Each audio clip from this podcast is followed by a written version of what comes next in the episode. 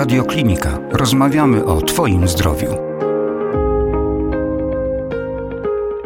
Słuchają Państwo Radiokliniki. Przed mikrofonem Jakub Śliwiński. Kłaniam się bardzo nisko i witam prosto z siedziby Agencji Badań Medycznych w Warszawie przy ulicy Stanisława Moniuszki. Dzisiaj na antenie Radiokliniki podejmujemy temat ważki, podejmujemy temat, który będziemy rozkładali na czynniki pierwsze, oczywiście razem ze, z moimi znakomitymi gośćmi, a tym tematem będą badania kliniczne oraz oczywiście to, co dzieje się w ramach Agencji Badań Medycznych w Warszawie. A razem ze mną są pan Radosław Radosław Sierpiński, prezes Agencji Badań Medycznych, pan Piotr Sawicki, reprezentujący Stowarzyszenie na Rzecz Dobrej Praktyki Badań Klinicznych w Polsce oraz pani Katarzyna Lisowska, przedstawicielka Stowarzyszenia Hemato-Onkologiczni. Witam Państwa bardzo serdecznie. Dzień dobry. Dzień dobry Państwu. Szanowni Państwo, Panie Prezesie, wyjdźmy od samego początku, wyjdźmy od genezy, wyjdźmy od tego, czym właściwie są badania kliniczne. Tak najprościej mówiąc, jeżeli mielibyśmy sobie wyjaśnić, co to jest badanie kliniczne, to myślę, że powinniśmy powiedzieć, że jest to tak naprawdę zbiór pewnych rygorystycznych testów, e, którym poddawana jest substancja lecznicza zarówno przed wprowadzeniem na rynek, czyli przed tym momentem, kiedy trafi bezpośrednio do pacjentów, kiedy możemy stosować ją w mm, leczeniu szpitalnym czy, czy, czy kupić w aptece, ale również przez pewien okres po wprowadzeniu.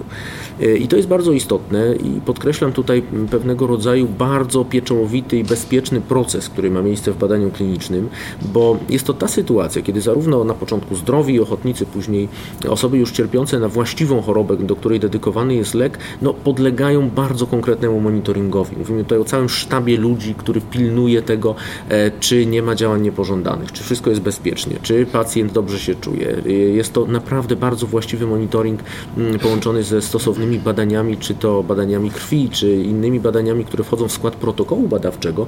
No i do tego mamy całą grupę monitorów badań klinicznych, czyli tych ludzi, którzy pilnują transparentności procesu, tego, żeby wszystko tam było wypełnione, żeby wszystkie konkretne parametry tego pacjenta były wrzucone do badania. I to jest bardzo istotne, bo dzięki temu pacjent może też czuć się e, całkowicie bezpiecznie, może czuć się, powiedziałbym, zaopiekowany, bo cały sztab ludzi, włącznie z lekarzem, z głównym badaczem, z często pielęgniarkami, no, pilnuje tego, czy wszystko idzie we właściwym kierunku. I co bardzo istotne, ewentualne działania niepożądane, ewentualne niepokojące zdarzenia, które towarzyszą temu badaniu, są natychmiast odnotowywane, natychmiast przekazywane mm, wyżej, po to, żebyśmy wiedzieli po prostu, jak lek sprawdza się w praktyce klinicznej. Podkreślam, że jest to proces bardzo dokładnie monitorowany, bardzo pieczołowicie i rygorystycznie przestrzegane są wszystkie procedury, no a więc pacjenci mogą czuć się bezpiecznie i myślę, że to jest wielka wartość dodana. No oczywiście do tej kwestii bezpieczeństwa, a także do tego protokołu, który zachodzi, kiedy odpukać, dzieje się coś niepożądanego, e, również sobie w naszej dzisiejszej rozmowie wrócimy. Panie Piotrze, natomiast jak wygląda dobór pacjentów? Jak wygląda dobór e, ewentualnych e, ochotników? W którym momencie to zachodzi? Na jakim etapie Państwa badania? I myślę tutaj właśnie o tym, ile Państwo wiecie na temat wprowadzenia danej substancji, kiedy już ten ochotnik, ten potencjalny pacjent bierze udział w badaniu klinicznym? De facto mamy cztery fazy badań klinicznych, natomiast te fazy dzielą się na dwa etapy. Jest etap poznawczy, gdzie my poznajemy cząsteczkę i jest etap potwierdzający skuteczność i bezpieczeństwo. I jakby e, pacjent y, w momencie, kiedy bierze udział w badaniach klinicznych, lepiej przyjmuje informacje nie o numerze fazy, tylko raczej o etapie, na jakim jest y, mm, dana cząsteczka, jeżeli chodzi o jej, o jej badanie. W kwestii zapraszania pacjentów y, często stosuje się takie określenie jak rekrutacja pacjentów, które no, niestety nie odnosi się w realiach do tego, co się faktycznie dzieje na etapie, kiedy pacjent rozpoczyna swoją e, przygodę z badaniem klinicznym. Tak, rekrutacja bardziej nam się kojarzy z takim procesem e, twardym, typu na przykład do wojska. Tak, już, tak na studia. Pierwsze skojarzenie, na studia, tak, do wojska. E, natomiast tutaj faktycznie mówimy bardziej o zapraszaniu pacjentów, o kwalifikowaniu pacjentów i zaangażowaniu pacjentów. Tak? To, są, to są takie trzy etapy, których, w których pacjenci e, biorą udział na samym początku badania klinicznego. Jeżeli chodzi o świadomość i wiedzę na temat tego, e, co wiemy o konkretnej cząsteczce, to to jest bardzo dokładnie zdefiniowane w protokole badawczym, który jest oczywiście uzależniony od etapu, na którym znajduje się badanie kliniczne. Tak? E, ta wiedza z protokołu badawczego dla pacjenta przeniesiona jest do y, dokumentu, który nazywa się Informacja o badaniu klinicznym. I to jest taki podstawowy dokument, który dostaje pacjent po to, żeby zapoznać się z tym konkretnym badaniem, gdzie bardzo dokładnie opisane jest e, etap badania klinicznego i wszystko to, co działo się wcześniej, tak żeby pacjent też miał świadomość tego, w czym konkretnie bierze udział w danym momencie.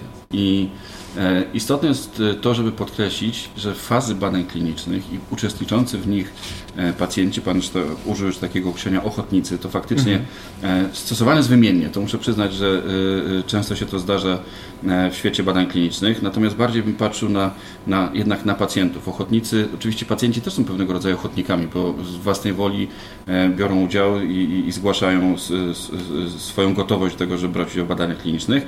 Natomiast częściej określenie ochotnik stosowane jest do osób zdrowych, które biorą udział w badaniach klinicznych albo bardzo wczesnych faz, kiedy my tylko badamy e, to, co się dzieje w organizmie ludzkim zdrowym po podaniu cząsteczki. Ewentualnie są to badania leków generycznych, gdzie my tylko patrzymy na farmakokinetykę e, leku oryginalnego i ewentualnie leku generycznego.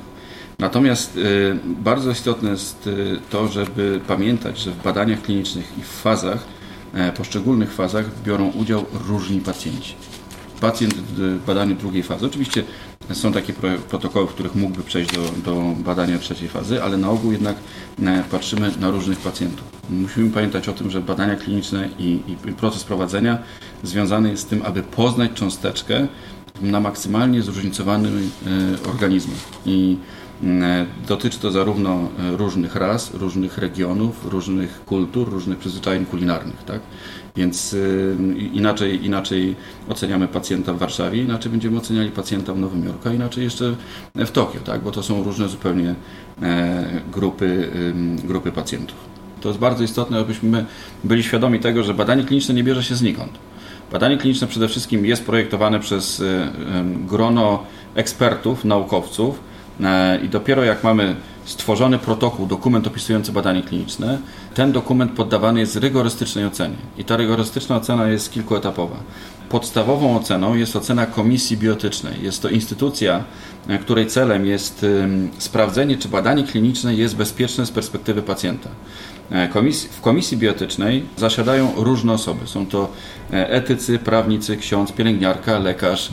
To jest grono, które z różnych perspektyw patrzy na badanie kliniczne i mówi: OK, to jest akceptowalne z punktu widzenia pacjenta. Ale to nie jest koniec, ponieważ to jest ta strona etyczna. Teraz musimy się upewnić, że badanie kliniczne zostało zaprojektowane w sposób bezpieczny z perspektywy wymogów i wymogów dotyczących prowadzenia badań klinicznych. I tutaj wchodzi rola Urzędu Rejestracji Leków, przy którym działa Centralna Ewidencja Badań Klinicznych, czyli kolejne bardzo duże e, ciało, które opiniuje badanie kliniczne i też patrzy przede wszystkim na perspektywę bezpieczeństwa mm, e, pacjenta. Jeżeli te dwie instytucje wyrażą zgodę na prowadzenie badania klinicznego, to oczywiście możemy już teoretycznie zacząć, ale pamiętajmy o tym, że jest jeszcze instytucja głównego badacza, lekarza, który ma bezpośredni kontakt z pacjentami i to on, zanim rozpocznie e, kwalifikację pacjentów, musi być przekonany do takiego badania klinicznego i też patrzy na co? Na bezpieczeństwo pacjenta.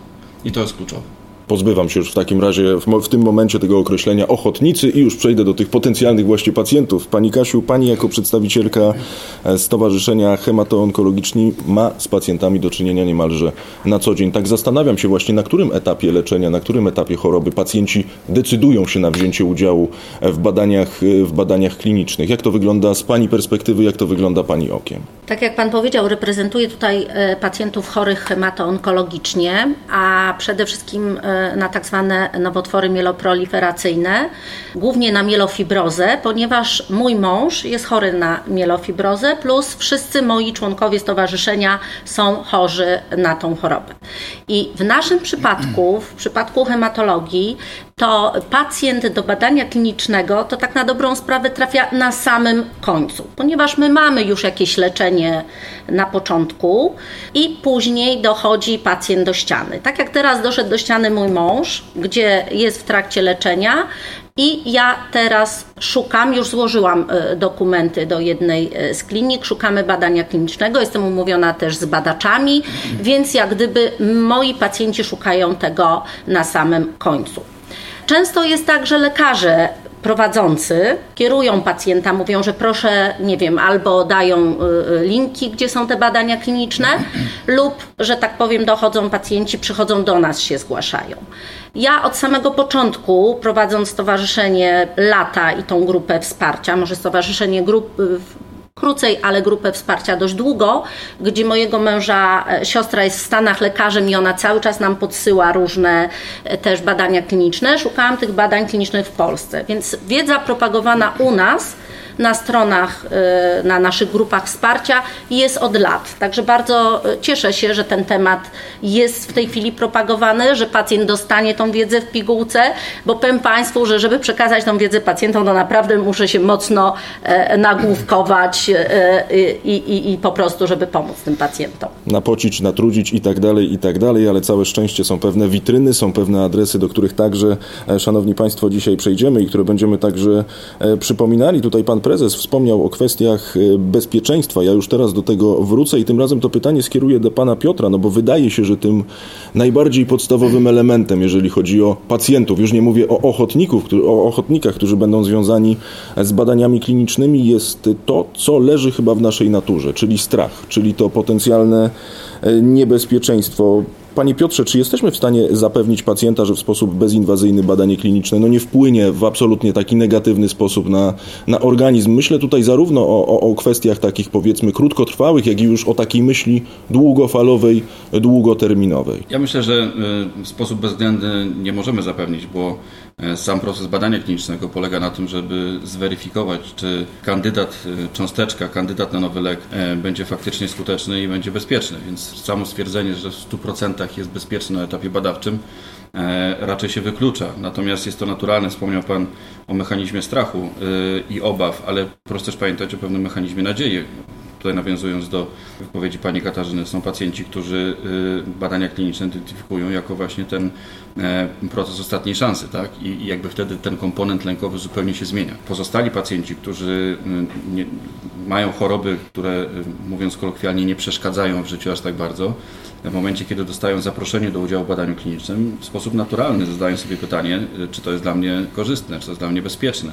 E, I, i, i wręcz badacz, który mm, przedstawia takie badanie kliniczne, powinien się upewnić, że pacjent, e, który chce wziąć udział w badaniu klinicznym lub planuje wziąć udział, jest przekonany i jest świadomy tego, w jakim procesie e, będzie uczestniczył. Natomiast musimy sobie powiedzieć jasno, badania kliniczne dotyczą procesów oceny leków eksperymentalnych, więc tutaj e, ten etap, gdzie pacjent pod wpływem pewnych e, własnych obaw i przemyśleń zadaje sobie te pytania, jest zupełnie naturalny. I rolą przede wszystkim badacza oraz tego dokumentu informacji o badaniu klinicznym jest to, żeby e, odpowiedzieć na wszelkie wątpliwości. Tak? To, jest, to jest krytyczny moment, ponieważ e, od tego, czy pacjent jest w pełni przekonany, jest świadomy czym bierze udział w badaniu klinicznym, zależy przyszły sukces i jego trwałe uczestnictwo w badaniu klinicznym, tak? Żeby nie było, że po jakimś czasie stwierdzi, no jednak ten, ten lęk przeważa, tak? I, i, I, nie mam wszystkich odpowiedzi, dziękuję bardzo i się wycofuję. Jest to niekorzystne dla samego pacjenta, dla samego badania klinicznego i, i nie mamy na to specjalnie rozwiązania. Panie prezesie, wróćmy do tematu e, bezpieczeństwa i do tematu tej kompleksowej opieki nad e, pacjentem, który oczywiście weźmie udział w badaniach klinicznych. Jak wygląda opieka sama sensu stricte, jeżeli chodzi o opiekę nad pacjentem właśnie w trakcie badania klinicznego? Czy jest on również informowany o tych potencjalnych skutkach, e, które mogą być właśnie niepożądane? No i gdybyśmy mogli wrócić do tego protokołu, co się dzieje, jeśli odpukać w niemalowane dzieje się coś niedobrego? No tutaj rzeczywiście należy wrócić do tego, tego, co mówiłem na początku, czyli do, do, tego, że jest to cały bardzo pieczołowicie przygotowany proces diagnostyczno-terapeutyczny, moglibyśmy powiedzieć. E, no i sam e, jeszcze niedawno pracując klinicznie, no i będąc badaczem jako lekarz, to e, mogę powiedzieć, że to byli pacjenci, którym poświęcałem najwięcej czasu. Tak? Ci pacjenci, którzy wchodzą do badań klinicznych, są ci pacjenci, którzy mają bardzo konkretnie zaplanowany system wizyt, kiedy sprawdzamy, co się z nimi dzieje, sprawdzamy, czy wszystko jest w porządku. Przechodzimy przez cały bardzo często obszerny formularz, w którym pytamy o stan zdrowia, wykonujemy stosowne badania. A więc ta procedura medyczna, ta opieka medyczna jest tak naprawdę na najwyższym poziomie, takim właściwie jakiego wszyscy byśmy sobie życzyli w no, innej też opiece, nie tylko w badaniach klinicznych. Więc myślę, że jest to też wartość dodana korzystania z badań klinicznych w ogóle. To są pacjenci bardzo dokładnie przebadani, to są pacjenci, którzy mają e, czas, przynajmniej powinni mieć czas, w którym lekarz, badacz mm, wyjaśnia wszystkie wątpliwości pacjenta. Oczywiście pacjenci czytają informacje o badaniu klinicznym, otrzymują stosowne informacje, co tam się może wydarzyć. Natomiast też i tutaj pewna rola Agencji Badań Medycznych w kreowaniu sieci centrów badań klinicznych. To jest też taka infrastruktura, która mam nadzieję zapewni w najbliższym czasie pacjentom takie spotkanie z badaczami naprawdę w dużym komforcie, w takim miejscu, gdzie można porozmawiać, można wyjaśnić wszystkie wątpliwości, można zapytać lekarza właśnie, co się wydarzy w momencie, kiedy coś tam niepokojącego w badaniu może się przydarzyć. Tak jak Pan powiedział, rzeczywiście no, trudno zapewnić, że w 100% nic się nie wydarzy, no bo wiadomo, że wyjście z domu też może spowodować y, y, bardzo istotne konsekwencje. No i y, tak też i w tym wypadku. Natomiast proces jest bezpieczny, proces jest monitorowany i w momencie, kiedy takie działania niepożądane wystąpią, w momencie, kiedy cokolwiek niepokojącego pacjent zauważy, no to natychmiast musi poinformować o tym badaczom, później ośrodek badań klinicznych zbiera i przekazuje te informacje właśnie do no już producenta leku czy, czy, czy sponsora, który to badanie kliniczne kreuje, żeby zarejestrować lek. To jest szczególnie istotne, bo czasami błahe działania niepożądane, których no, na co dzień nie wiążemy z mm, badaniem klinicznym, mogą okazać się bardzo istotne z punktu widzenia dalszego rozwoju tego leku. No i później one znajdują się w tych ulotkach, które, prawda, wyciągając lek z pudełeczka, zawsze staramy się je jakoś tam e, obejrzeć, przeczytać. Więc tym bardziej należy e, te informacje zgłaszać. Panie Piotrze, a jeśli pacjent jest e, osobą chorą przewlekle, ma chorobę rzadką, przykładowo przystępuje do badań klinicznych, ale w tak zwanym międzyczasie wdrażane jest inne leczenie, pacjent y, korzysta z innych leków, no i wydarza się coś, co e, być może dyskwalifikuje go e, z danego badania. Czy takie sytuacje, czy takie, takie konflikty zachodzą? Pamiętajmy o jednej rzeczy, że mm, lekarz prowadzący badanie kliniczne ubiera buty naukowca i mhm. badacza, dlatego tak się nazywa ta funkcja. I w związku z powyższym jest to bardzo istotne, ponieważ nie tylko ocenia pacjenta z perspektywy klinicznej, ale również z perspektywy naukowej. A propos włączania nowego leczenia, raczej to lekarz decyduje o tym i raczej nie będzie mm, chciał ingerować w proces prowadzenia badania klinicznego, bo my nie wiemy, co się stanie e, z pacjentem, jeżeli nagle włączymy zupełnie nowe leczenie w trakcie. Tak? Oczywiście, patrząc z perspektywy korzyści dla pacjenta, bo to jest najważniejsze, czyli bezpieczeństwo i dobro pacjenta, jeżeli lekarz o tym zadecyduje, że e, w jego opinii wchodząca na rynek nowa terapia może być e, skuteczniejsza, bo na przykład już jest zarejestrowana, to może powiedzieć pacjentowi, drogi pacjencie, ma pan wybór, czy pani, tak?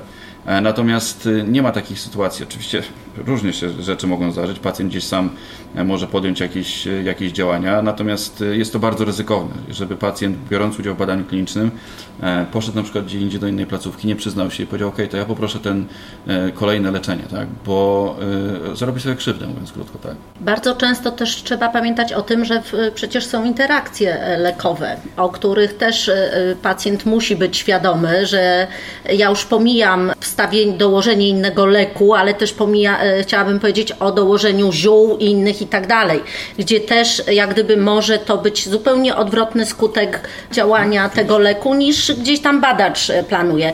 Więc tutaj myślę, że e, ta świadomość, że jest tylko ten konkretny lek i to badamy, jest też bardzo ważna bo czasami dołożenie czegokolwiek może zniweczyć cały ten proces badawczy tego badacza, który, tak jak powiedział Pan, wkłada w nas tutaj i serce, i duszę, no bo jest naszym opiekunem takim. Dokładnie, ja myślę, że tutaj trzeba e, e, wrócić do bardzo istotnego elementu, mianowicie e, procesu wyrażania świadomej zgody na udział w badaniu klinicznym. Tak? To, jest, to jest kluczowe, ponieważ jakby naturalnie myślimy o tym, że pacjent na jakimś etapie musi się zgodzić. E, natomiast sam, samo zdarzenie tego, e, tej zgody e, to jest kluczowy moment, jeżeli chodzi o badanie kliniczne. Z jednej strony mamy lekarza, badacza, który przedstawia badanie kliniczne pacjentowi. Z drugiej strony siedzi pacjent, który trzyma w ręce kilkunastostronicowy dokument informacji o badaniu klinicznym, który niestety jest często napisany językiem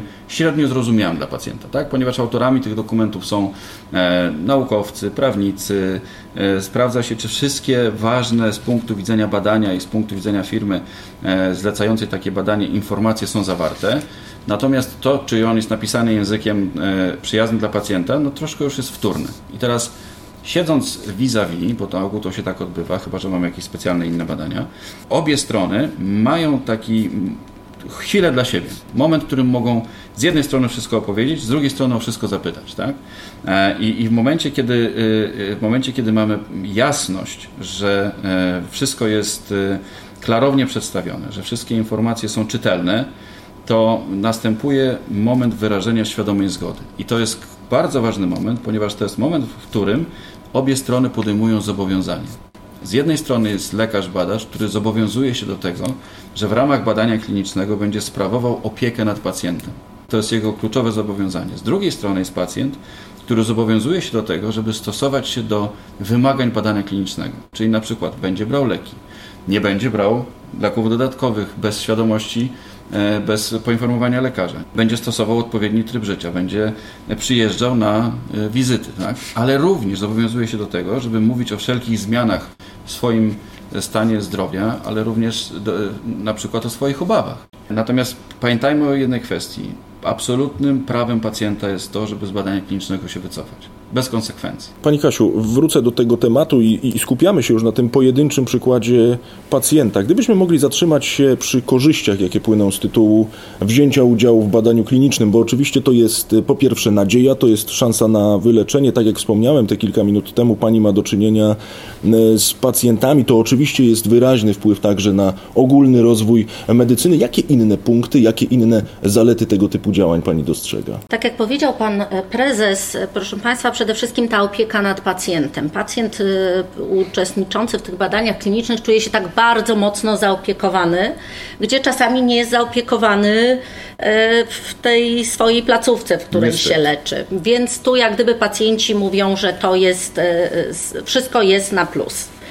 E, druga sprawa to tak jak mówię, ja reprezentuję takich chorych, gdzie do badań klinicznych przystępują już na tym, bym powiedziała tak, ostatnim etapie, więc no przede wszystkim przedłużenie życia, poprawienie jakości tego życia, no i nadzieja, ja bym tu powiedziała, że ta nadzieja na następny lek, bo e, moi pacjenci bardzo często mówią do mnie tak, Pani Kasiu, no dobrze, teraz się leczę tym lekiem, teraz za chwilę tym, ale gdzieś za te pół roku, za rok wejdzie następna cząsteczka e, tak, do tych badań klinicznych, więc ta nadzieja jest ogromna. Przykładów, gdzie mm, pacjenci są leczeni e, latami, właśnie nawet w badaniach klinicznych, później już te leki wchodzą jak gdyby do, do leczenia pacjentów, no ja znam kilkanaście.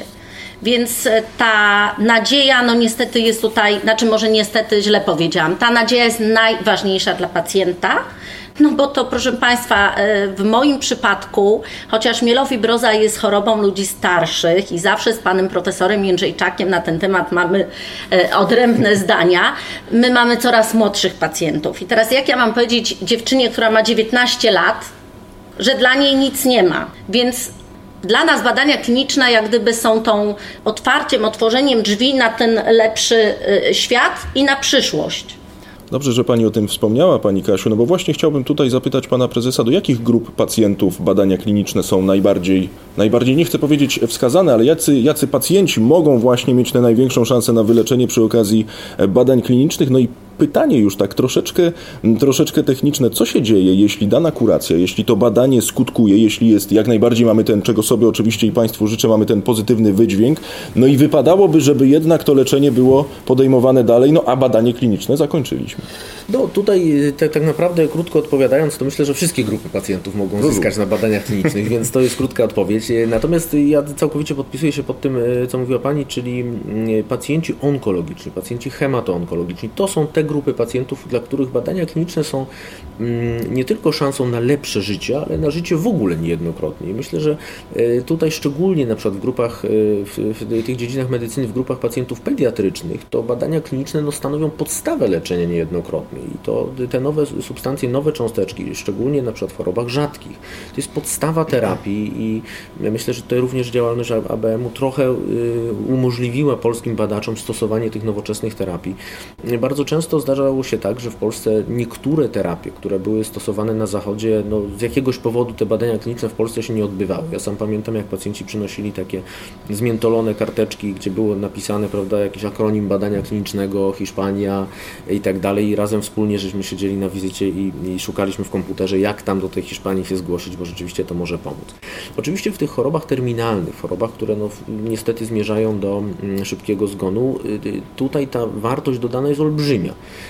I kolejne badania kliniczne mogą okazać się po prostu przełomem. Może się wydarzyć tak, że choroby, które dzisiaj traktujemy jako choroby śmiertelne, e, po prostu e, w ciągu roku staną się chorobami przewlekłymi. Tak? I w momencie, kiedy pacjenci skorzystają wcześniej z takich badań klinicznych, będą ich proaktywnie szukać, no wówczas no, mają szansę po prostu na życie, na dłuższe, lepsze życie w lepszych warunkach i, i myślę, że po prostu to jest wielka wartość. Zresztą obserwując również to, co dzieje się mm, w Stanach Zjednoczonych, no ja mam nadzieję, że w najbliższych miesiącach właściwie, czy latach powstanie taka wyszukiwarka badań klinicznych, obserwujemy, że tutaj Pani mówi, że badania kliniczne często pojawiają się na samym końcu, tak? czyli w momencie, kiedy dojdziemy już do muru, wyczerpiemy standardowe terapie, no wówczas mówimy, a no to może badanie kliniczne.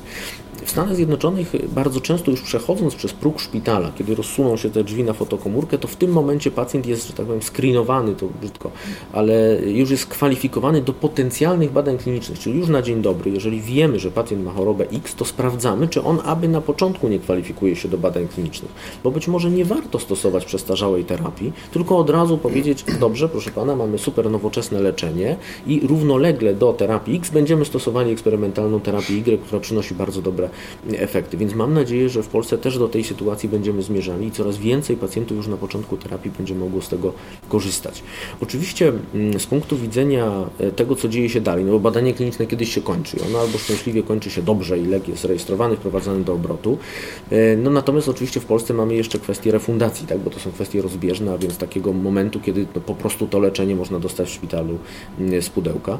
No i tutaj e, ja też chcę zapewnić, że to jest znowu proces bardzo rygorystycznie przestrzegany. Mamy tak zwany compassionate use, czyli taki dostęp miłosierny, to niefortunnie humanitarny, moglibyśmy tak przetłumaczyć z angielskiego, kiedy zwykle producent czy sponsor badania w momencie, kiedy terapia działa, kiedy widzi jej dobry skutek, no to dramatycznym byłoby nagle przerwanie tego badania. Powiedzenie, proszę Pana, badanie się skończyło, dziękujemy, a teraz wracamy do tego, co było wcześniej. Więc zwykle stosujemy, czy stosuje mm, sponsor taki dostęp humanitarny, gdzie pacjent otrzymuje ciąg dalszy leczenia po prostu w ramach e, tego dostępu. No istotnie no, niehumanitarne byłoby przerywanie dobrej terapii, która skutkuje. No jednocześnie minister zdrowia również w ramach takiego mm, dostępu może zapewnić e, finansowanie tej terapii. To też często się zdarza no, z przyczyn obiektywnych. Także na pewno ta terapia powinna trwać i trwa, no i tutaj myślę, że to są też bardzo dobre informacje dla pacjentów. Tutaj nasi goście aż wyrywają się, mówiąc kolokwialnie, żeby uzupełnić, więc e, pozwoli Pan, Panie Piotrze, że zacznę od Pani e, Katarzyny, bo tutaj było, było zgłaszane, że chcielibyśmy coś dopowiedzieć. Tak, nam się marzy jako pacjentom, żeby wchodząc właśnie do szpitala, żeby taki był koordynator, mhm. który nam powie, proszę Państwa, dzisiaj leczycie się tym, ale są badania kliniczne, które gdzieś tam nie muszą się toczyć konkretnie e, w tym szpitalu. Natomiast e, teraz mamy problem, gdzie lekarze często nie wiedzą, że na przykład piętro wyżej, piętro niżej, placówkę obok toczy się badania. I na nas, jako organizacji pacjentów, jak gdyby tak troszeczkę spadło to, że to my szukamy e, tych badań, nawiązujemy kontakt z badaczami. Oczywiście e, nie wszystko badacze mogą nam powiedzieć, ale ja zawsze proszę tych badaczy, proszę Państwa, to co możecie, dajcie mi. Ja to chętnie zamieszczę, y, żeby moi pacjenci wiedzieli. Więc y, to, co powiedział pan prezes, modelem amerykańskim, mam nadzieję, że cały ten projekt do tego doprowadzi. I nie będziemy musieli jako organizacja szukać tych badań, tylko będzie właśnie ten koordynator. I mam nadzieję też, że y, ta wiedza lekarzy, bo tu wcześniej żeśmy też rozmawiali, w jaki sposób informować pacjentów o, tej, mm, o tych badaniach klinicznych, będzie po prostu przekazywana dla dobra tego pacjenta. Panie Piotrze? E, tak, jeszcze chciałem uzupełnić pewnymi przykładami e, ze świata poza onkologią, jeżeli chodzi o, o chęci pacjentów i o motywację pacjentów do udziału w badaniach klinicznych. Ja bardzo miło wspominam badanie kliniczne dla pacjentów e, z łuszczycą, gdzie jeden z pacjentów wychodząc po kolejnej wizycie powiedział, no wreszcie mogę iść na basen po wielu mhm. latach, tak? I, i, I, to było niesamowite. A ostatni przykład wzięty z, na bieżąco z życia naszych placówek, gdzie prowadziliśmy badanie kliniczne leku przeciwko COVID-19. Pokazało, po pierwsze widzieliśmy naocznie skuteczność tego leku, bo było ewidentnie widać, że pacjentom się po prostu mhm. poprawia, ale praktycznie każdy z pacjentów mówił lekarzowi o tym, że bierze udział nie tylko po to, żeby sobie pomóc, tylko żeby proaktywnie wziąć udział w procesie, który pomoże społecznie. I to było niesamowite, bo to byli różni pacjenci, przedstawiciele różnych grup e, wiekowych, zawodowych e, i, i, i, ten argument faktycznie był bardzo mocnym wydźwiękiem, tak? Więc e, do tych wszystkich argumentów związanych z procesowością badań, z powtarzalnością wizyt, z tym nadzorem, o którym Pan Prezes wspominał, ja bym dołożył jeszcze bardzo ważny argument społeczny. Biorę udział w czymś wyjątkowym. E, I, i, tym, I tym gorzej smutno się ocenia te różne memy, które się ostatnio pojawiają w social mediach, e, związane z tym, e, że badania kliniczne są złe i tak dalej, bo niestety mamy teraz taki moment, kiedy te negatywne opinie mają swoją chwilę, tak? no bo wreszcie mają jakąś pożywkę ponieważ e, tak naprawdę ci, którzy decydują się na to, żeby wziąć udział w badaniu klinicznym, oni oddają siebie do pewnego procesu eksperymentalnego. I, i, i, to, jest, I to jest niesamowite. Poza tym, że liczą na, pewną poprawę zdrowotną, to jednak mówią, ok, ja e, ze swoim problemem, ze swoim ciałem, ze swoją ochotą chcę pomóc innym. Bo jeżeli ten lek będzie skuteczny, będzie zarejestrowany, to cudownie, tak? Będziemy, będziemy w stanie pomóc y, całej rzeszy innych pacjentów. No a też, Szanowni Państwo, wydaje mi się, że słowo eksperyment ma nieco te pejoratywne znaczenia momentami, więc być może także i z tego to wynika. No właśnie, Szanowni Państwo, przejdźmy zatem już do społeczeństwa i do tematu wiedzy, do tematu tego stopnia wtajemniczenia odnośnie do e, badań klinicznych. I tutaj z powrotem wrócę do Pani Kasi, no bo podejrzewam, a właściwie to jestem przekonany, że pani ma najczęściej kontakt z tym pacjentem i wie pani, jak wygląda ten stopień właśnie wtajemniczenia odnośnie do e, badań klinicznych. Już za moment przejdziemy oczywiście sobie do poszczególnych portali, do poszczególnych miejsc, gdzie tę wiedzę należy e, poszerzać, ale Anno Domini 2021 mamy wrzesień. Jak to wygląda pani okiem? Proszę państwa, my od początku cały czas propagowaliśmy tą wiedzę o badaniach klinicznych. Dlatego wspólnie z Polską Koalicją Pacjentów Onkologicznych i TKMS-em, e, robiąc warsztaty przed e, pandemią, zaprosiliśmy panią Anetę Sitarską-Haber, żeby jeździła z nami po Polsce i żeby mówiła pacjentom o badaniach klinicznych. E, wiedza, którą przekazywała, no była po prostu niezastąpiona, bo była to wiedza u źródła. Pani Aneta siadała z pacjentami później po takich warsztatach i potrafiła godzinami rozmawiać z pacjentami e, e, wszystkie, że tak powiem, odpowiadać na ich wszystkie pytania. Więc e, my od początku nie pozwalamy sobie na takie memy na naszych stronach, Bardzo ani dobrze. grup wsparcia, ani stowarzyszenia. Ja mam twardą rękę do wyrzucania i memów, i osób, które po prostu robią złą robotę w cudzysłowie dla pacjentów, więc my propagujemy taką wiedzę, która jest sprawdzona, jest że tak powiem, e, lekarze tą wiedzę przekazują. U nas nie ma po prostu szarlatanerii. Więc jeżeli pacjent trafi w dobre ręce tego pierwszego badacza, tak jak Pan tutaj powiedział, e, i badacz pierwszy mu wszystko dobrze wytłumaczy, to jest, proszę Państwa, połowa sukcesu.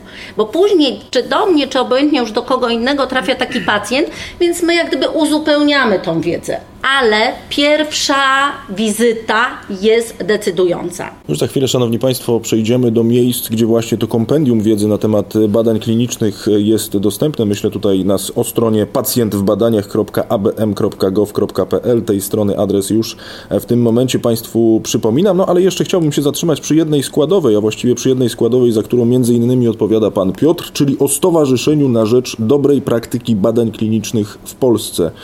Panie Piotrze, na czym polega działalność w zakresie tego stowarzyszenia? Zanim powiem o działalności, to, to chciałbym podkreślić pewną etapowość rozwoju rynku badań klinicznych w Polsce. Do tej pory przez wiele lat y, y, rynek badań klinicznych nie miał swoich przedstawicieli. Tak? E, I, I fakt powstania E, stowarzyszenie, które powstało w latach 90., pod koniec lat 90., e, był takim kamieniem milowym. Drugim kamieniem milowym, mogę bez, e, bez problemu powiedzieć, jest powstanie Agencji Badań Medycznych, tak? gdzie z jednej strony mamy stowarzyszenia na rzecz dobrej praktyki badań klinicznych, których, których członkami są przedstawiciele rynku badań klinicznych, ogólnie pojętego, zarówno firm zlecających, firm prowadzących badania kliniczne, lekarzy, koordynatorów i pielęgniarek. Z drugiej strony mamy wreszcie zorganizowaną instytucję, która reprezentuje stronę publiczną i to jest mechanizm, do którego e, przez wiele lat y, nie mogliśmy dojść i, i, i który powstał i w tej chwili rynek badań klinicznych ma silnych partnerów. Tak? Z jednej strony mamy agencję, e, oczywiście stowarzyszenie jest, jest jednym ze stowarzyszeń działających na rynku, ale największym, ponieważ mamy również stowarzyszenie Polkro, firm prowadzących e, badania kliniczne w Polsce, czy Infarmy, ale w tej chwili ten rynek zaczyna nabierać sił.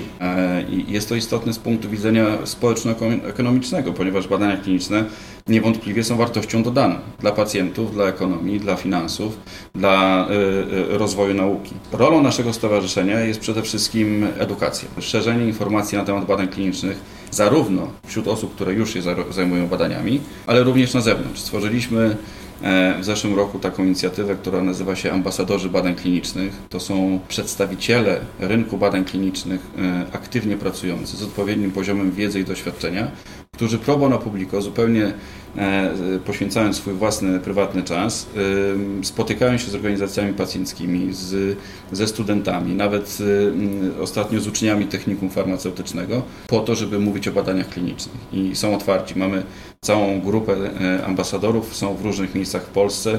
Każdy się może zgłosić. Oni sami proaktywnie szukają kontaktu z różnymi grupami e, po to, żeby o badaniach klinicznych, e, o badaniach klinicznych mówić. Bierzemy też udział w szkoleniu wspólnie tutaj z Agencją Badań Medycznych w szkoleniu lekarzy podstawowej opieki zdrowotnej. To jest bardzo istotna, istotny proces, ponieważ y, lekarz w POZ to jest ten pierwszy kontakt pacjenta.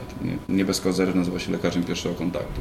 E, I jeżeli ci lekarze będą mieli odpowiedni poziom wiedzy o badaniach klinicznych, to istnieje znakomita szansa na to, że badania się rozwiną i to w odpowiednim kierunku, ale również będzie pewność, że jeżeli przyjdzie do lekarza POZ-u pacjent, który już jest w badaniu klinicznym, to nie usłyszy czegoś pod tytułem, no to proszę zrezygnować, bo to nie wiadomo co to jest, tylko, tylko raczej będzie ten lekarz e, proaktywnie takiego pacjenta wspierał e, i będzie wiedział na przykład, co zrobić, jeżeli przyjdzie do niego lekarz, pacjent w badaniu klinicznym z jakimś działaniem niepożądanym, tak?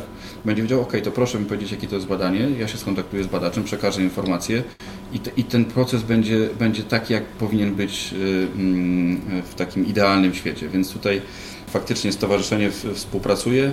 E, ale oczywiście znakomita rola agencji, że w ogóle udało się stworzyć ten proces szkoleniowy, tak? bo to jest, to jest bardzo, ważny, e, bardzo ważne dla rynku e, lekarsko-medycznego. Te wszystkie działania się zazębiają, Państwo ze sobą współpracujecie, no i efekty, miejmy nadzieję, będą jeszcze w przyszłości tylko i wyłącznie lepsze. Panie Prezesie, zatrzymajmy się przy tym niezwykłym, niezwykle ważnym punkcie, jakim jest właśnie działalność Państwa serwisu. Wspomniałem adres, wspomnę go jeszcze raz, pacjent w badaniach.abm.gov.pl jak wygląda działalność w ramach e, tego serwisu? No i przede wszystkim, gdzie jest geneza tego całego projektu, bo przyznam szczerze, że byłem pod wielkim wrażeniem, kiedy sobie tak prze przeskakiwałem, przeglądałem poszczególne strony tej witryny. No, to rzeczywiście e, geneza już sięga kilka lat temu, bo to zaczęliśmy w 2018 roku, czyli właściwie jeszcze sprzed e, powstania agencji. Wówczas już w Ministerstwie Zdrowia, w Ministerstwie Rozwoju taki pomysł powstał, on zaczął się wtedy klucz i później faktycznie powołanie agencji bardzo istotnie przyspieszyło rozwój tego portalu. Jeżeli chodzi o samą genezę, to ja mam takie poczucie, że to, co Państwo mówili przez ostatnie 10 minut, to tak naprawdę są te wątpliwości, te niepokoje, które powodowały, że takie właśnie obiektywne źródło informacji o badaniach klinicznych musiało powstać. Przez wiele lat, i myślę, że nadal w pewnym sensie to trwa, e, pacjenci poszukują, badacze poszukują naprawdę obiektywnych informacji na temat badań klinicznych, sprawdzonych, nie gdzieś tam z internetu, nie przez znajomych. W Polsce tak jakoś jest, że na zdrowiu i polityce zna się 40 milionów ludzi. I na piłce nożnej. I na piłce nożnej to jest 20 może. E, natomiast rzeczywiście no jest to niepokojące, bo jest to wiedza ekspercka, jest to bardzo e, wiedza dynamiczna, która zmienia się z roku na rok. Zmieniają się przepisy, zmieniają się regulacje europejskie. E, ten rynek badań klinicznych w Polsce, jeżeli chodzi o taką deltę zmiany, to w ciągu ostatnich kilku lat, no i powstanie agencji badań, i budowa infrastruktury, i świadomość badaczy, no to jest naprawdę gigantyczna zmiana. Zmiana, która całkowicie zmienia paradygmat realizacji tych badań klinicznych i wydaje mi się, że edukacja na poziomie pacjentów no jest istotnym fundamentem, jeżeli chodzi o budowanie tego polskiego potencjału. I y, ideą tego serwisu było pokazanie trochę na zasadzie y, takiej wielosektorowej współpracy, co mnie szalenie cieszy, bo to nie jest tak, że to jest nasz serwis i Agencja Badań Medycznych mówi ludziom, co tam trzeba robić, tylko to jest tak, że my budujemy tutaj y, dzięki Państwa zaangażowaniu wielkie grupy poparcia i wsparcia, które wspólnie budują tą edukację. Mam na myśli pacjentów, mam na myśli badaczy, mam na myśli lekarzy akademików, którzy wspólnie kontrybuując do tego mm, serwisu pokazują pacjentom i swoje własne historie, bo to jest szczególnie istotne, że pacjenci sami opowiadają, jak to było, jak brali udział w badaniach klinicznych, y, na co się natknęli, co było kłopotem. Ja sam ze zdziwieniem na przykład słuchałem o tym, że y, kłopotem był na przykład przejazd z miasta do miasta, tak? i gdzieś tam transport zawodził, bo PKS-em się nie dało dojechać i tak dalej. To są super istotne sprawy, które pokazują, jak należy y, pacjentów do tego zachęcać. Osoby się z tym utożsamiają. My też czuwając nad tym z punktu widzenia eksperckiego, możemy właśnie rugować te takie dramatyczne historie o królikach doświadczalnych, jakieś memy, jakieś e, takie dramaty i po prostu stać na straży tego, żeby ta wiedza była obiektywna, żeby pacjenci czuli się komfortowo, żeby też mogli skorzystać e, z tego mm, portalu, wiedząc, że, że, że to jest całkowicie bezpieczne, że tam nie ma, nie wiem, jakichś złych firm farmaceutycznych, które piszą, że ich badania są najlepsze, a inne to są gorsze, bo po prostu nad tym czuwamy i interes publiczny jest tutaj najważniejszy. Zresztą w Polsce ten potencjał badań klinicznych jest naprawdę duży. Ja chcę powiedzieć, że to jest pewien niewykorzystany potencjał, który teraz budujemy dzięki powstaniu agencji. Mam nadzieję, że w najbliższych miesiącach ustawa o badaniach klinicznych się pojawi, która również ten e, proces nam mm, uatrakcyjni. W Polsce jest tych badań klinicznych, no nie wiem, za 2000 pewnie rocznie prowadzonych. To jest dużo. Natomiast jesteśmy 40-milionowym krajem i wydaje się, że ten potencjał mógłby być trzykrotnie większy. Część badań, no, ja mam okazję współpracować również międzynarodowo, w Polsce się po prostu nie odbywa. Jak rozmawiamy ze sponsorami, z wielkimi korporacjami farmaceutycznymi, dlaczego tak jest, to oni często mówią, no wiecie, bo u Was tak trochę trochę nie było z kim rozmawiać, trochę właściwie nie wiadomo, a to prawodawstwo było takie niejasne, ale teraz już jest wyraźnie lepiej. Już widzimy, że ilość tych badań jest większa. Same badania niekomercyjne, no to już jest wielki potencjał, który też dzięki finansowaniu agencji się odbywa. A co istotne, czym więcej ludzi będzie brało udział w badaniach klinicznych, tym więcej pacjentów będzie miało po prostu szansę na lepsze życie. I czasami są takie badania, to pewnie Państwo potwierdzą, gdzie otwiera się badanie, jest zarejestrowanych dwóch, trzech ludzi. No i my wiemy, że w Polsce gdzieś tych kandydatów jest 10 tysięcy i z jakiegoś powodu no, zamykamy się na dwóch, trzech osobach, bo ktoś nie wiedział, bo lekarz nie powiedział, bo był tylko jeden szpital kliniczny i tak dalej. No i to właśnie chcemy zmienić. Chcielibyśmy, żeby wszyscy, którzy mogą skorzystać e, z badań klinicznych, po prostu wiedzieli, że one się e, toczą, żeby chcieli w tym brać udział, żeby wiedzieli, że to jest dla nich. No i mam nadzieję, że dzięki takim działaniom edukacyjnym, dzięki takim y, współpracom eksperckim, pacjenckim, no uda się te środowiska połączyć i po prostu będziemy ten rynek y, sprawniej budować. Ja jeszcze raz przypomnę adres tej witryny pacjent w badaniach.abm.gov.pl, ale to wszystko jest również i skorelowane ze znakomicie działającym profilem facebookowym. Pan Piotr wyrywa się jeszcze do, mówiąc kolokwialnie, do uzupełnienia tej informacji, więc tak, słucham Panie Piotrze. Wydaje mi się, że mm, bardzo trzeba podkreślić jedną istotną kwestię związaną z portalem, mianowicie wiarygodność. E, proszę zwrócić uwagę, że do tej pory e, to jest, to jest kolejny kamień milowy, jeżeli chodzi o rozwój badań klinicznych w Polsce. Do tej pory w przestrzeni internetowej pacjent nie miał żadnego wiarygodnego źródła informacji. Wiarygodność polega na tym, że za informacją stoi odpowiednia instytucja. I portal Pacjent w Badaniach, zbudowany przez agencję, przygotowany we współpracy z organizacjami pacjenckimi, e, wspierany jest przez cały szereg bardzo poważnych instytucji. Ale jeszcze jedna ważna rzecz. Mianowicie ten portal powinien być obowiązkową lekturą dla każdego badacza prowadzącego badania kliniczne, ponieważ e, jest to tak znakomita dawka wiedzy, którą przyswoi pacjent i lekarz musi być gotowy na to, żeby móc odpowiedzieć na pytania, które zrodzą się po właśnie po przeczytaniu treści portalu. Więc to nie tylko dla pacjentów, to jest również portal, do którego praktycznie wszyscy lekarze czy instytucje zajmujące się prowadzeniem badań klinicznych powinni zaglądać na bieżąco. Wspomniał Pan o Facebooku. E, ktoś, ktoś kto e, e, działa w świecie badań klinicznych i udziela się w social mediach, bezwzględnie powinien taki portal mieć zalajkowany jako najważniejszy. Zatem odsyłamy do tej lektury obowiązkowej, a ja jestem przekonany, że także i to nasze dzisiejsze spotkanie i rozmowa na antenie radiokliniki również przybliży temat badań klinicznych. Pan Piotr kilka minut temu wspomniał o partnerach, wspomniał o tych skorelowanych sytuacjach, dzięki których mamy właśnie dostęp do tej już w tym momencie niebywałej wiedzy na temat badań klinicznych, więc myślę, panie prezesie, że to dobry moment, aby wspomnieć o wszystkich partnerach, wspomnieć o tych jednostkach, które i na zakończenie, które współpracują w ramach państwa działań. No to szczególnie cieszy, tak jak mówiłem, mówiłem, że jest to pewnego rodzaju współpraca z różnych środowisk, że to nie jest tak, że to my, czy, czy, czy właśnie GCP jesteśmy jedynym właścicielem i, i kreatorem tego portalu i to szczególnie cieszy. Z jednej strony mamy bowiem e, te organizacje pacjenckie, no i tutaj e, Fundacja Urszuli Jaworskiej, bardzo istotna e, fundacja pacjencka, która w tej chwili bardzo dużo robi, jeżeli chodzi o badania kliniczne, no i tutaj korzystamy po prostu z tej wiedzy pacjentów, z historii pacjentów, z tego, co pacjenci potrzebują, bo czasami wydarzy się tak, że eksperci mają zupełnie zupełnie inne przekonanie, czego brakuje, jeżeli chodzi o te podstawy wiedzy.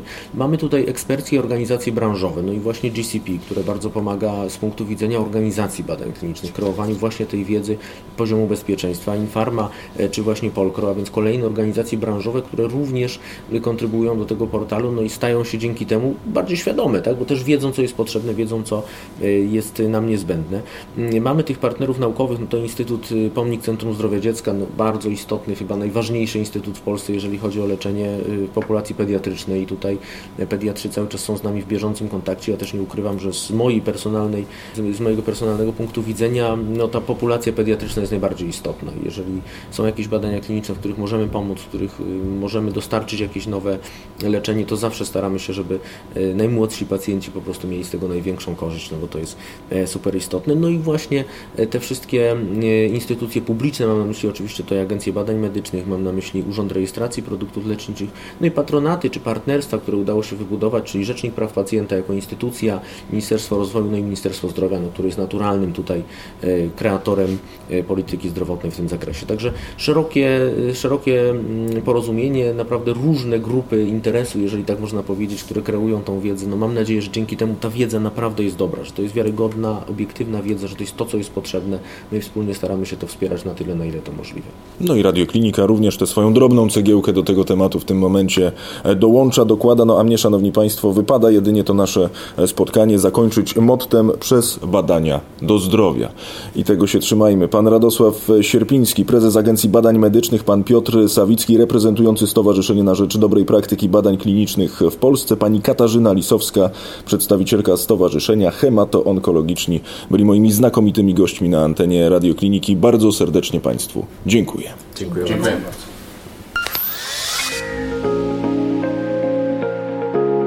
Więcej audycji na stronie radioklinika.pl i w naszej aplikacji mobilnej.